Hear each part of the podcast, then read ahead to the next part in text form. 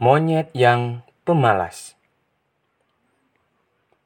Di sebuah hutan tinggallah sekelompok rusa yang rukun, yang saling membantu satu sama lain.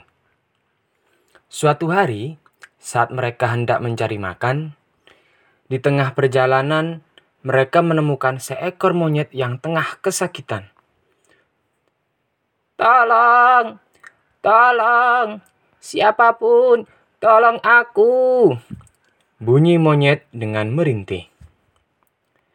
Tanpa pikir panjang lagi, kelompok rusa tersebut langsung menghampiri monyet dan menyelamatkannya. Kamu kenapa monyet? Tanya salah satu rusa. Aku terjatuh dari pohon dan aku tertinggal dari kawananku. Jawab monyet sambil menangis. Ya sudah, ikutlah bersama kami. Kami akan obati lukamu.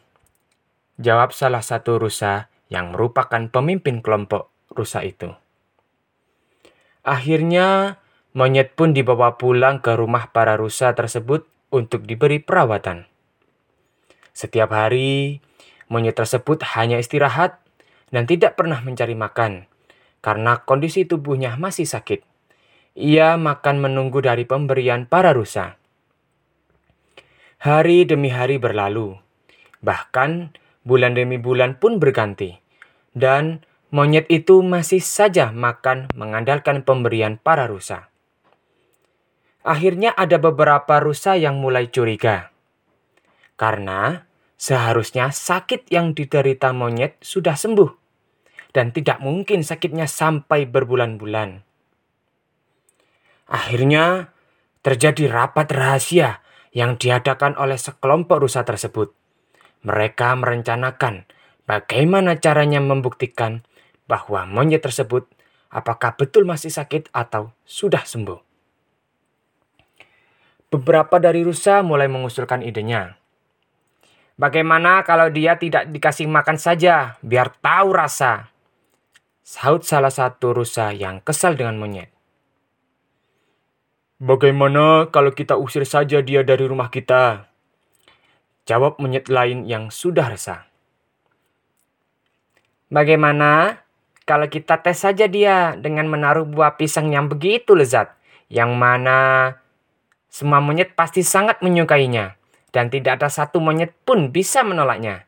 Kita taruh di atas pohon yang paling tinggi di sini. Akhirnya, hasil rencana sudah diputuskan. Semua rusa sepakat untuk mengetes monyet dengan cara menaruh buah pisang. Malam harinya, setelah para rusa tertidur, si monyet ternyata masih merasa lapar dan ingin makan lagi. Karena persediaan di depannya sudah habis, dia kebingungan. Mencari-cari makanan apa yang bisa dimakan. Namun, karena memang para rusa sejak pagi terlalu fokus mencari buah pisang yang lezat, maka persediaan makanan saat itu kosong dan hanya buah pisanglah stok makanan yang tersisa.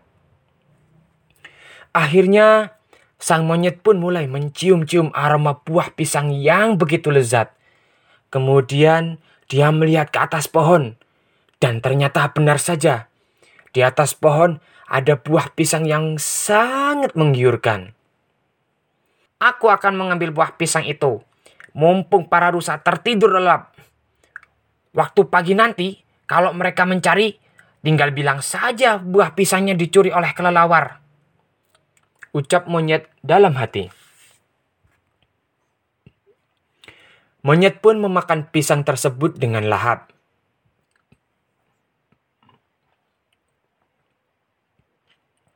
Namun, karena terlalu santainya dia menikmati buah pisang, monyet tak sadar kalau waktu sudah pagi.